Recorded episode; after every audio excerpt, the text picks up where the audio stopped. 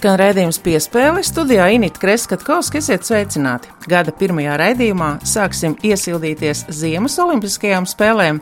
Atgādināšu par mūsu vēstures dažām no spilgtākajām lapusēm. Šajā raidījumā dzirdēsiet 1988. gada Kalgarī Olimpisko spēļu čempionu bobslējā divnieku konkurencē Jāni Čipuru, kuram šonadēļ aprit 60. Ar ko bobslēja pilots nodarbojas tagad, vai fotoaparāts uzticams draugs viņam allaž līdzās? Vai zinājāt, ka 1980. gadā Leiklasidas Olimpisko spēļu bronzas laureāta Ingrīda Amontova tagad vada Murjāņu sporta ģimnāziju? Sarunā nu jau ar ekskamaneņu braucēju uzzināsim, kā iesākusies koku stādīšanas tradīcija, kas galu galā rezumējusies ar vaininieku izcīnītajām medaļām Olimpiskajās spēlēs. Ja abām iepriekš minētajām personībām ir bijis vai ir cieša saistība ar cēsīm, jo Amantovs skaistajā pilsētā dzimusi, bet ķipurs tās tūmā gan dzīvo, gan strādā, tad piespēles trešā varone Tīna Graudeņa vēl tikai mērķtiecīgi soļo uz savām olimpiskajām virsotnēm, un viņas vecais tēvs ir tieši saistīts ar vidzemi, un viņai sportiskie gēni ģimenē ir mantoti. 19 gadus vecā Tīna kļuvusi par studentu Kalifornijā, taču palikusi uzticīga savai partnerei Smiltīs un pat Ziemassvētku brīvdienās, un arī gada sākumā kopā ar Anastasiju Gravčēnoku startēja turnīros Eiropā, lai pēc tam lidot atpakaļ uz ASV un turpinātu studijas. Par visu tūdaļ raidījumā.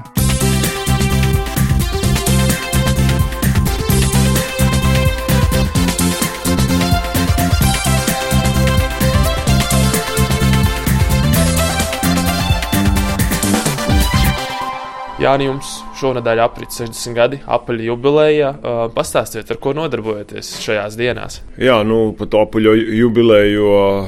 Es tur neko īpaši tajā nesaskatu. Nesmu pieradis svinēt tādas jubilejas. Es domāju, ka ir tikai viena jubileja, ko cilvēki ļoti gaida un, un svin. Tas ir 17 gadnieki ļoti gaida 18 gadu jubileju, jo tad viņi visu var atļauties.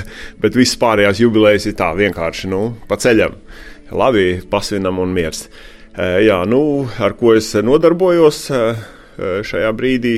Man tāds neliels biznesiņš ar koku materiāliem, ar, ar, ar veciem koku materiāliem, bet pašlaik šī ziemā ir tāda pauzīte. Nu, tad es apkopi savu mājas apkārtnī, pašlaik ar meža darbiem nodarbojos, tīru upes leju, sakopju un, un malku gādāju. Ar nedēļas nogalēm vēl braucu uz Rīgu komentēt bobsleja sacensības, tad, kad viņas notiek arī šajā gaidāmajā nedēļas nogalē būs atsāksies otrā sezonas puse.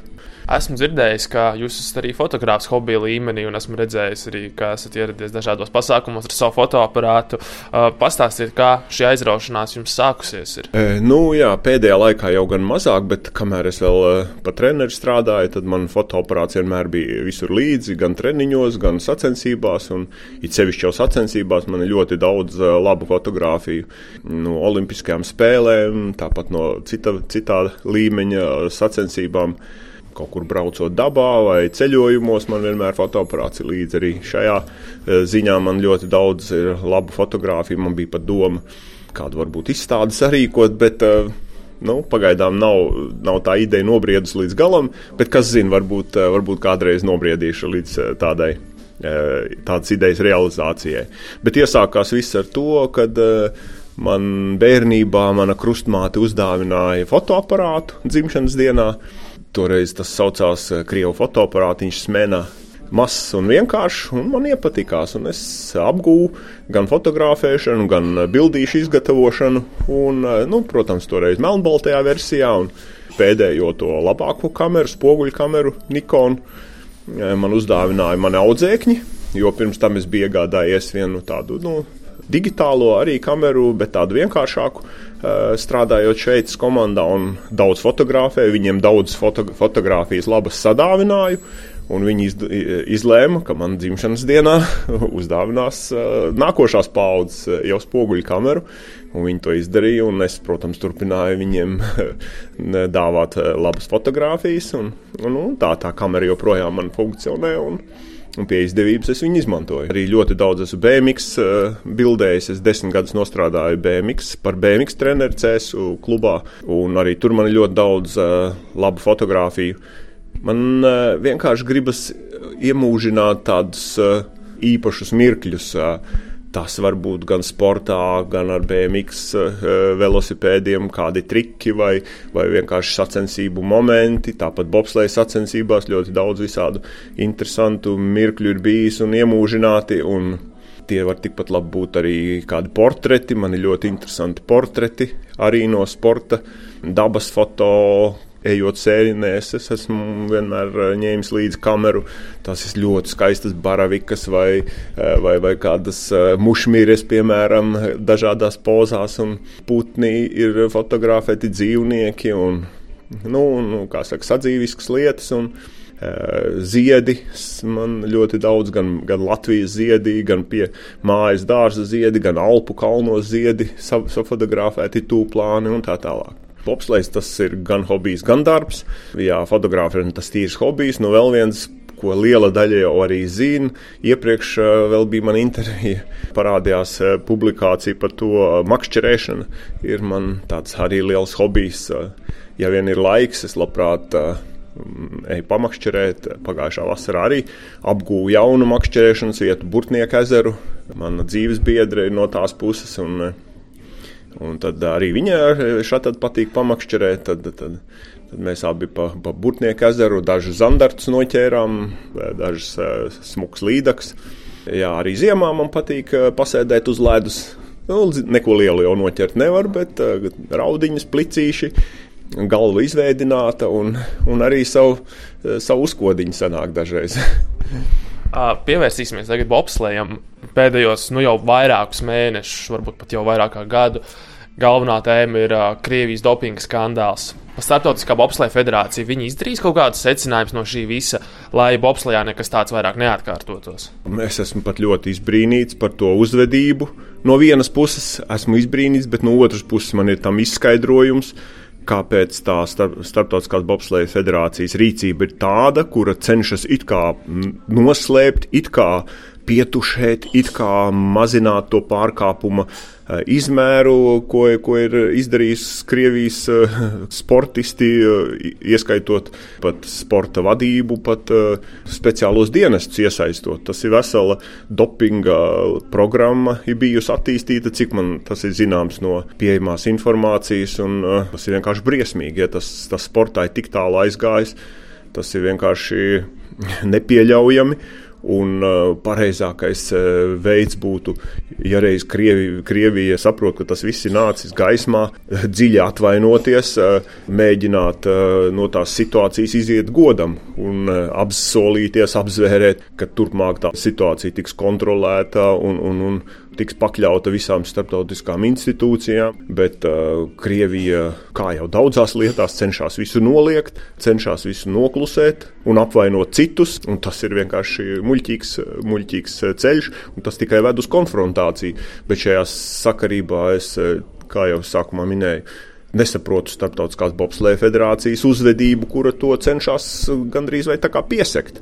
Ja Startautiskā olimpiskā komiteja ir, ir pietiekoši pierādījumi viņiem, ka sportisti ir uh, pārkāpuši tos dopinga noteikumus, viņi tiek diskvalificēti, tai pašā laikā Startautiskā bobsleja federācija atļauj tiem sportistiem piedalīties starptautiskās sacensībās. Tā arī katastrofa. Bet uh, izskaidrojumu es tur redzu tikai vienu, jo Startautiskā bobsleja federācija saņem diezgan lielu naudu no Krievijas uh, sponsoriem. Jo, ja arī visa bobsleja sabiedrība pret to nenostājas uh, nopietni, tad jau viņi arī paši var teikt, ir kaut kādā veidā vai nu uzpirkti, vai piever acis, vai paralēli dopingam tiek piesaukt arī iespējamā krāpšanās ar laikmērīšanas ierīcēm Sočos. Jums, kā cilvēkam, kas ļoti daudzus gadus ir bijis bobsleja virtuvē, kā jums šķiet, nu, cik reāli tas ir, ka kāds var fiziski kaut kādā veidā ietekmēt laikmērīšanas sistēmas? Iespējams, tas ir. Bet vai konkrēti šajā gadījumā kaut kas tāds bija, tas ir jāpierāda. Un, ja tas nav pierādīts, nu, tā tas sanāk tā, tajā līmenī, viena tante teica. Tagad tuvojās Korejas Olimpiskās spēles, un, nu, protams, jārunā arī par mūsējo sniegumu šajā sezonā. Nu, trasē tā ir kaut kāda pietaupīšanās, nerāda visu labāko, ko vien var. Nu, sportā nekas nekad nenotiek tā tikai pēc taisnas augšupejošas līnijas, un, un ja kāds pa to taisno augšupejošo līniju uzkāpjas virsotnē, tad tur viņš garantēti paliek. Sportā tā nav kas ir svarīgi, lai tajās galvenajās sacensībās izcīnītu medaļu vai uzvarētu. Pirmām kārtām ir jābūt visiem tiem komponentiem ļoti augstā līmenī, tad, kad tie mači, tie izšķirošie mači, tas izšķirošais brīdis tuvojas. Tajā pašā izšķirošākajā brīdī parasti arī vēlam veiksmi, un tad arī tā veiksme nedrīkstētu pamest to sportistu. Un tad, ja tās visas lietas sanāk kopā, tad, tad arī tā vislielākā medaļa būs. Zviedri vēlas pretendēt uz 2026. gada olimpiādi, un nu, kā viens no variantiem tiek izskatīts tas, ka bobslēga un skeletona sacensības un arī kamaniņas notiktu Siguldas trasē. Taču, lai to varētu izdarīt, Siguldas trasē ir diezgan pamatīgi jāpārbūvē. P vispirms jau, protams, jātiek. Ir, ir jābūt teorētiski, ir jābūt gataviem to visu paveikt, to trasi pārbūvēt. Kā jau tu minēji, tiešām tur būs nepieciešama liela pārbūve, liela piebūve, liela tā visa kompleksa atjaunošana. Bet viennozīmīgi, ja jau Startautiskā olimpiskā komiteja izšķirsies par Olimpisko spēļu rīkošanu Zviedrijā, piešķirs viņiem tās tiesības, un Zviedri uzticēsies Siguldai vienu daļu no šīm spēlēm sarīkot tieši Renes sporta veidus. Tas būtu fantastiski iespēja Latvijai, un tā iespēja būtu vienreizēja, un tā būtu jāizmanto fantastisks iegūms Latvijas bobslējam, bet arī visai Latvijas atpazīstamībai, ieiešanai, kā Olimpisko spēļu sarīkošanā piedalījušajai valstī. Visā tajā apritē, tas būtu vienkārši fantastiski. Tas būtu obligāti jādara, pat nešauboties. Paldies par interviju, Jāni. Vēlēšu veiksmi sacensību komentēšanā un arī privātajā biznesā. Paldies! paldies lai, lai veiksmīgs gads visiem, lai šis olimpiskais gads mums eh, ne, nes prieku un, un sportistiem izno, izdodas tiešām mūs iepriecināt ar labiem rezultātiem.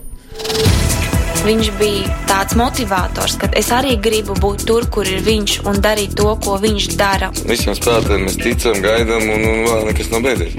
Vismaz viena spēle mums noteikti. Jā. Dzirdējāt Māra Berga sarunu ar olimpisko čempionu Bobslijā Jāni Čipuru, bet raidījuma piespēle turpinājumā neklātienē turpināsim braukt pa ledus reni, bet nu jau ar kamanām kopā ar Ingrīdu Amantovu, Leiklesidas Olimpisko spēļu bronzas laureāti. Tagad viņai uzticēts vadīt Mūrjāņu sporta ģimnāziju. Nu, vispirms savu interviju gribētu sākt ar labiem vēlējumiem visiem klausītājiem, visiem sportistiem, visiem līdzjūtējiem laimīgu jauno gadu, veselīgu, priecīgu un gandarījumu par paveikto. Esmu arī kaut kur gandarīta, protams, šobrīd ir ļoti daudz, vēl ir Murjāņa sporta ģimnāzijā jāveic ļoti daudz, bet esmu gandarīta par paveikto, jo var jau redzēt no ārpuses, labi, kā saka, it kā šobrīd mums ir jauna halle, mums ir internāts skola un viesnīca sēkas siltinātas, logi durvi jumti jumts, jumti fasādes sakārtotas, bet uh, mans mērķis ir arī sakārtot iekšā, kā saka, visi šobrīd mēs visi esam tendēti praktiski uz, uh, uz saturu, uz pratībām, uz saturu, uz to, ko mēs darām, kā mēs darām, uz šo te fizisko vidi, sakārtot murjāņos visas šīs te klases ar, ar, ar jaunākām tehnoloģiskām iekārtām, tāpat arī sporta darbam mēs šobrīd ļoti aktīvi mm, sadarbojamies ar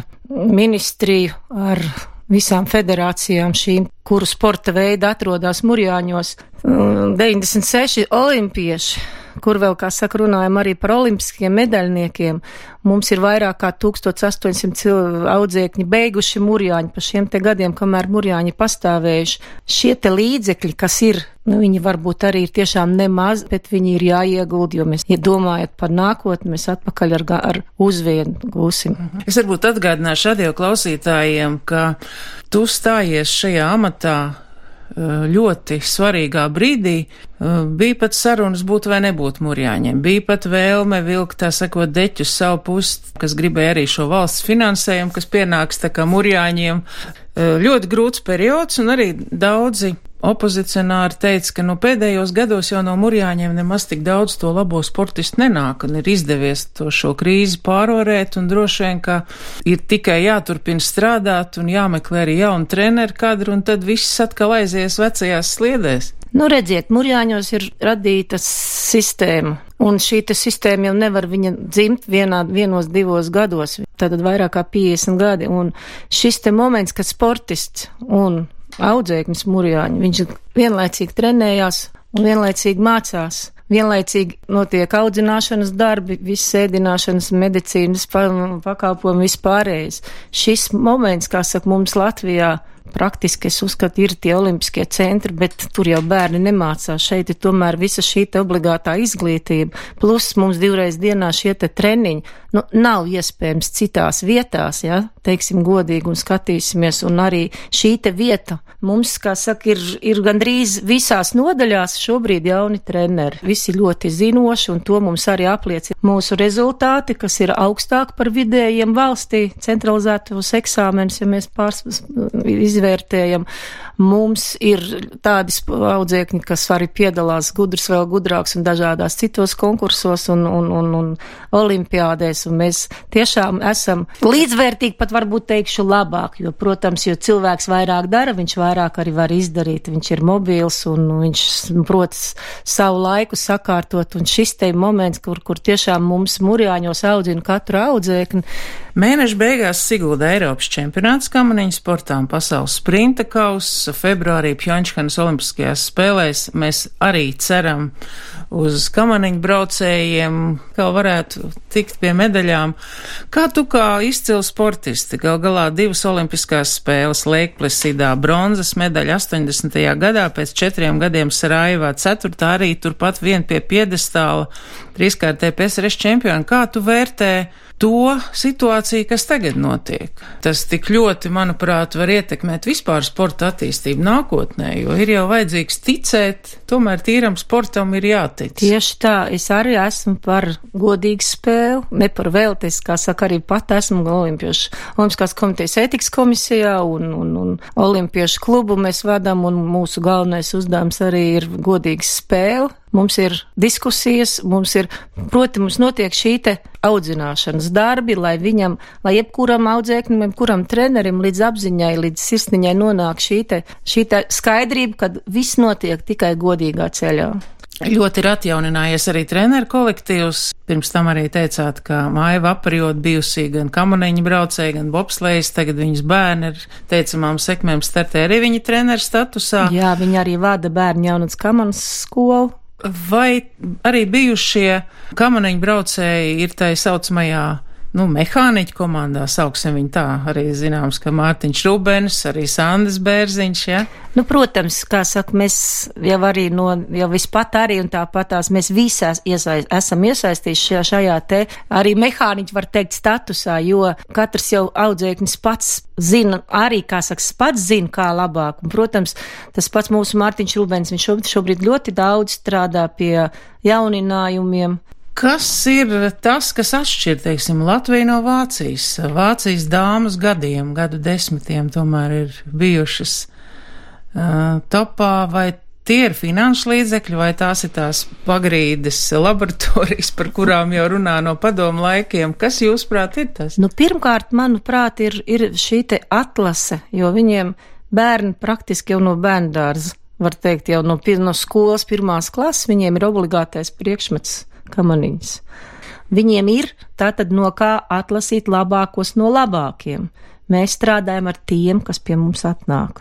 Un tomēr, manuprāt, arī Siguldā, tad, kad jūs bijāt sportskolas direktori, nu, bija jūtams pārsvars tieši reģionam salīdzinot ar citiem, jā? Nu jā, nu šobrīd arī, kā saka, dabiski ir pārsvars. Es dzīvoju robežos, man robežos ir ļoti daudz, pie vairāk kā 15 audzēkņi. Anna Orlo ir, ir stopiņos, tātad Ulbroka, tur, kā saka, viss šis te reģions. Vēra Zazuļa. Vēra ar Annai palīdz, vai ne, tur viņas kopā stopiņos. Tad vai otrādāk var teikt, ja, tad uh, Aivar lūk šie šajā te uh, Salkrastu novadā, tur viņai ir, kā saka, ļoti daudz sportistu. Mums tātad Mārtiņš Losbers šobrīd pa Siguldu ņemās, tātad cenšas. Kamaniņu sportā tā sakot, visi savējie, kas ir daudz ko darījuši, ir atgriezušies Latvijā un ir pie vietas. Arī tāds mājas tīrums piemērs, ja, kas ir startējusi, piedalījusies, jā, jā. kā nu, strādājusi treneru statusā Francijā un ir šeit, tātad tas laikam arī ir tas, kas ir ļoti būtiski varbūt arī citām federācijām, tomēr mēģināt savējos noturēt šeit, izmantot viņu potenciālu un, un attīstīt tieši šo kamaniņu sporta piramīdu. Nu jā, Maija šo, šobrīd strādā mūsu nacionālas izlases komandā pa menedžeru praktiski, ja nav šobrīd mums te valsts ir vecāka līdzdalība, jo viņi jau arī neskatās un nerēķina ne savus līdzekļus, cik tam aiziet. Mums ir, ir mērķis, un mēs visi ejam uz to mērķi. Lai jums izdodas! Arī Paldies! Atgādīju, šodien redzījumā bija Murjāņas sporta ģimnāzijas direktore Ingrīda Amantova, 1980. gada Leiplesides, Olimpisko spēļu bronzas medaļas ieguvēja kamaniņu sportā aicinām visus mēnešu beigās Siguldā uz mačiem un turam īkšķis arī par mūsējiem februārī Olimpiskajās spēlēs. Lai mums veicās, jo mājas darbi, man liekas, ir izdarīti. Arī, kā saka, esot Olimpiešu kluba prezidenti, mēs teiksim tā, tagad varbūt daudzi nezin, bet mēs Rucavā stādam katru, katru gadu kokus.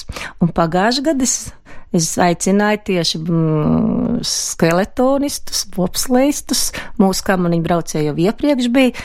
Es domāju, tas, tas arī tāds mājas darbs, varbūt netieši, bet mēs esam ļoti mājiņticīgi tomēr, un es ir īpaši kā sportisti, ja mēs esam iesākus kaut ko, tad tam ir jābūt. Tā kā man liekas, tā tad jāturpina šī tradīcija. Veiksmi, vēlreiz veiksmi visiem, kā saka, šajos, šajos startos, un turam mēs visi līdzjutēji īkšķus, un ko nu mēs varam darīt, katrs palīdzēt ar labām domām, ar labiem uh, sapņiem, kā saka, lai, lai kaut kādiem fluīdiem, ja, lai, lai visiem is, veicās. Lai katrs iestādītais kociņš pēc tam var lepoties ar uzkarinātu medaļu tajā, vai ne? Jā, tieši tā. Paldies! Paldies! Maratonā, kad tu skrieni distances laikā, ja kāds tev uzmundrina un nosauc tavu vārdu, tu to dzirdi. Pirmā uzvara bija tad, kad es biju pionieru nometnē, tas bija 66. gadā, es vinnēju bumbiņu mešanu. Man ir prieks eh, sarunāties ar Tīnu Graudiņu šeit Latvijā. Iepriekšējā reize bija Majora pludmalē, un ir droši vien divkārši prieks apzināties to, ka gan šis pasākums tika atzīts ne tikai par jūrmālas svarīgāko gadu notikumu, bet arī par gadu balsu sportā. Svarīgāko šovasar eh, tavs treneris ir saņēmis gada jūrmalnieka titulu. Tu savukārt esi jūrmālas labākā sportista pirmo reizi. Droši vien, ka vispirms par to mēs varam aprunāties. Jā, es biju ļoti patīkami pārsteigta un tas bija tāds um, nu, nepieredzēta sajūta, ka nevis kaut kādās mazākās kategorijās saņem to labāko balvu, bet tiešām gada sportista jūrmalā, un tas bija ļoti, ļoti patīkami. Tu esi kļūst par studenti. Tie pirmie iespaidi ir ļoti, ļoti krāšņi. Tie treneri, vai tā attieksme, vai tā sadzīve, vai tas eh, parasti, ar ko saskarās studenti, ka ir ļoti grūti, bet tas ļoti rūda raksturu, un tu kļūst patstāvīgs, vai to var attiecināt arī uz tevi? Jā, es biju ļoti pārsteigta par to cik ļoti viņi visi atdod sevi visu sportam, ka viņiem tas sports ir tiešām pirmajā vietā viņu dzīvēs, un um, tik daudz cilvēki ir piesaistīti, lai palīdzētu tiem uh, studentu sportistiem universitātē, un tas man ļoti tā pārsteidz, tāpēc, ka man bija licies, nu, ka es pati iešu uz treniņiem un pati mācīšos, nu, ka tur būs ļoti daudz pašai būs viss, kas jādara, bet tur ir tik daudz cilvēku piesaistīti, kas palīdz sportistiem samanedžēt mācības un arī tīri tā kā, kā vislabāk trenēties ar nu, dietologu un citi speciālisti piesaistīti. Un jā, tas, tas man ļoti, ļoti patīk, jo tas liek man justies gan izē kā nu, profesionālai sportistei, lai arī tur viņiem tas noteikums, ka it kā mēs neviens nedrīkstam skaitīties profesionāli. Mhm. Vai tu esot Kalifornijā salīdzini tās smiltis ar uh, jūrmalas smiltīm vai ir kaut kāda veida salīdzināšana, jo mēdz teikt jau, ka jūrmalā ir pasakaini mīkstas un, un jaukas un, un pateicīgs arī tavam sporta veidam. Jā, es salīdzinu, jo uh, mēs spēlējam divu veidu smiltīs pārsvarā. Mums ir laukumi pašā universitātē, un tās smilts ir tādas ļoti vieglas un tādas krītainas, ka viņas smērē ādu, un tad vienmēr pēc treniņiem paliek balti pleķi uz visu kājām, un tad es tā kā atceros jūrmals smiltis, kuras varēja vienkārši noslaucīt, un viss ir, viss ir tīrs. Un otri laukumi, kur mēs trenējamies, ir pie okeāna, pludmalē, un tur tās smiltis ir tādas melnas un um, ļoti, ļoti dziļas, un, uh, un tad es arī atceros jūrmālas smiltis un domāju, cik labi būtu mājās. nu, tu esi tagad mājās, un droši vien, ka arī uh, daudzus interesē jautājums par to, vai tiktu nepaliks neusticīgi nasķē, vai tur var būt, nu tāds, protams, pārnestā nozīmē, vai tur ir arī labas volejbolistas, varbūt kā amerikāņi cer tevi pārvilināt, kā notiek šai ziņā, jo es pieņemu, ka arī vieglatlēti noteikti labprāt redzēt tevi arī universitātes komandā, vai tu arī izmanto šo iespēju. Nu, jā, mani, ar mani ir runājuši vieglatlētikas treneri, bet uh, īsti tu, tur Amerikā tas nav apvienojams, jo galvenās sezonas sacensības gan vieglatlētiem, gan pludmales volejbolistiem notiek vienā un tajā pašā laikā. Līdz ar to es, protams, izvēlēšos pludmales volejbolu. Un, uh, par tiem spēlētājiem. Amerikā, tur, kur es trenējos, ir ļoti labas meitenes, bet, nu, tas ir, man pašlaik tas šķiet ļoti smieklīgi iedomāties, ka es varētu pāriet uz Ameriku, tāpēc, ka pirmkārt visi ir tīri praktiskā nozīmē, tas ir tik grūti nomainīt valsti, kuru pārstāvēt volejbolā, jo tad ir divus gadus aizliegums spēlēt jebkurās sacensībās.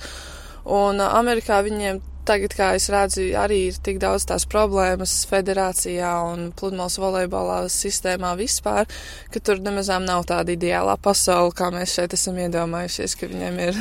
Bet principā tu varētu, jo pēc juridiskajām visām vēsturiskajām uh, atziņām tu varētu uh, dabūt šo dubult pilsonību, ja būtu tāda interese. Nu, man ir dubult pilsonība. jā, jā, bet, uh, bet kā jau es saku, tas atkal es ne, negrasos pārstāvēt Ameriku, jo pirmkārt, es esmu Latvijas patriots, es negribu stāvēt, ja, ja es kaut kad uzvaru uz piedestāla ar Amerikas karogu, tas ir tā, mm, es ļoti nebūtu tas piepildījums, man, es tā domāju, un, uh, un jā, un, un gal galā arī tikt uz kaut kādām olimpiādēm, svarīgām sacensībām ir daudz grūtāk no Amerikas, jo vispirms ir iekšējā konkurencē jāizcīna no Latvijas, šeit tā konkurence ir mazāka, un Nāsķi ir vienkārši, nu, mana mīļā partneris, nemazām nevar iedomāties, ka es ar kādu citu varētu spēlēt. Jautājums jautājums bija provokatorisks, lai tu šādi atbildētu. To jau tu saproti. Kas ir tie treneri, tu esi pie ļoti daudziem treneriem vispār trenējusies, cik es sapratu, pat tenisā, peldēšana, vieglatlētika, droši vien katrs no tiem treneriem tev ir kaut ko devis, un parasti runā par Ameriku, par augstskolām, tur katrs treneris savai nozarei, vai tu vari attiecināt arī to uz savu pludmales volejbolu? Mums viņi nesādā katrs pie savas nozares volejbolā, bet mums ir trīs treneri, principā. Galvenā trenera, viņai ir asistents, un tad mums ir vēl viens brīvprātīgais um, cilvēks, kurš ir Sidnejas Olimpiskais spēlēs dabūjis zelta medaļu pludmales volejbolā. Tā kā mums ir tas treneru korpus ir ļoti, ļoti stiprs, un viņi, un viņi katrs dod to savu pienesumu mazliet savādākā veidā, viens psiholoģiski vairāk, viens fiziski. Bet mēs arī esam daudz meitenes, tur nevarētu ar vienu treneru nepietikt, vai vajag vairākus tos trenerus. Kā, jā. Tagad galvenais jūsu uzdevums ir uh, iekrāt spēkus sezonai. Par sezonas uzdevumiem droši vien mēs runāsim tad, kad tu atgriezīsies un būsi jau 20 gadu vecs, es pieņemu, jā? Martā tev dzimšanas diena un droši vien uz pavasari mēs tev tik redzēsim jā, atpakaļ, jā? jā? Ko tu studē un varbūt izstāst arī par savu universitāti, jo. Mana universitāte, viņa ir privātā universitāte, un uh, viņai skaitās ļoti prestiža tieši mācību ziņā, un tas sports viņiem arī ir ļoti svarīgs, jo viņi vēlas pierādīt savu pārākumu pār citām universitātēm caur to sportu arī. Un um, mācības ir diezgan augstā līmenī, ir kārtīgi jāiespringst, un uh, prasības ir diezgan augstas, jo arī visi tie līdzcilvēki, kas tur mācās, viņi ir ļoti gudri. Un, uh, bet man, teiksim, nav lielas problēmas. Es teiktu, ka Latvijas vidusskola man ir ļoti labi sagatavojusi priekšmācībām arī tādas augstas klases līmeņa universitātē universitātē, kurā es tagad eju. Un uh, varbūt ir mazliet sarežģītāk ar to angļu valodu, kad nāk tie sarežģītākie termiņi. vārdi, termiņi, bet uh, visos pārējos uh, jomās es esmu, es jūtos diezgan labi, bet tajā pašā laikā es jūtu, ka universitāte ir grūta lieta un ka vai kārtīgi mācīties, vajag mācīties, nevar tā atpūsties visu laiku. Un, man liekas, ka Amerikā tas ir pirmais noteikums, ka vispirms mācības un, un, un sportošana tev ir jāpakārto tam, Jā. vai arī ir tās um, finansiālās atlaides sportistiem pārstāv augstskolu viņam ir, ir kaut kādas atlaides no mācībām. Nu, jā, es esmu, es te universitātē esmu ar pilnu stipendiju, līdz ar to man nav jāmaksā par um, mācīšanās maksu un, um, jā. Un ir iespēja caur gadu smiltīs. Jā, tieši tā. Un um, pie pilnas stipendijas nāk arī mazliet klāt dzīvošanas nauda, ko es varu tērēt, nu, tur sadzīviskām vajadzībām un uh, tā kā finansiālā ziņā viņi palīdz tiem sportistiem. Bet uh, mācības ir galvenās un tik līdz kādam atlētam paliek sliktāks atzīmes, viņš tiek tiek izslēgts no komandas un kā, līdz kamēr viņš atkal dabū atpakaļ uh, vajadzīgo līmeni. -hmm. Nu, tad mūsu sarunas noslēgumā droši vien, ka šis gads tev bijis īpaši veiksmīgs, gan uh, jūrmālas labākā sportiste. Uh, nu, jau var teikt, Eiropas ekšķempioni gan vecumā līdz 18, līdz 22 gadiem, kas būs nākamā gada uzdevums. Protams, ka ļoti svarīgs turnīrs būs U22 Eiropas čempionāts, kas notiks Jūrmalā, un par to es esmu īpaši priecīga, jo man būs beidzot tā pēdējā iespēja dabūt titulu atpakaļ pie mums, jo pagājušajā gadā mums neizdevās to izdarīt, tāpēc tā būs tāda ļoti interesants turnīrs. Man ļoti nevar sagaidīt, kad varēs piedalīties. Es esmu pārliecināta, ka jūs dabūsiet šo titulu, un droši vien, ka Anastasija arī ar puišiem trenējoties būs kārtīgi arī pielikus meistarībā, ko varēja jau starp citu just arī šogad, vai ne? Un, Jā. Tā kā nu, meitenes, es jums vēlu veiksmi, tev īpaši arī studijās veiksmi. Paldies! Dzirdējāt sarunu ar Tīnu Graudiņu, izskan arī redzījums piespēle. Tā tapšanā piedalījās Māris Bergs, Esinita Kreskatkovs un skaņoperators Miķelis Putniņš.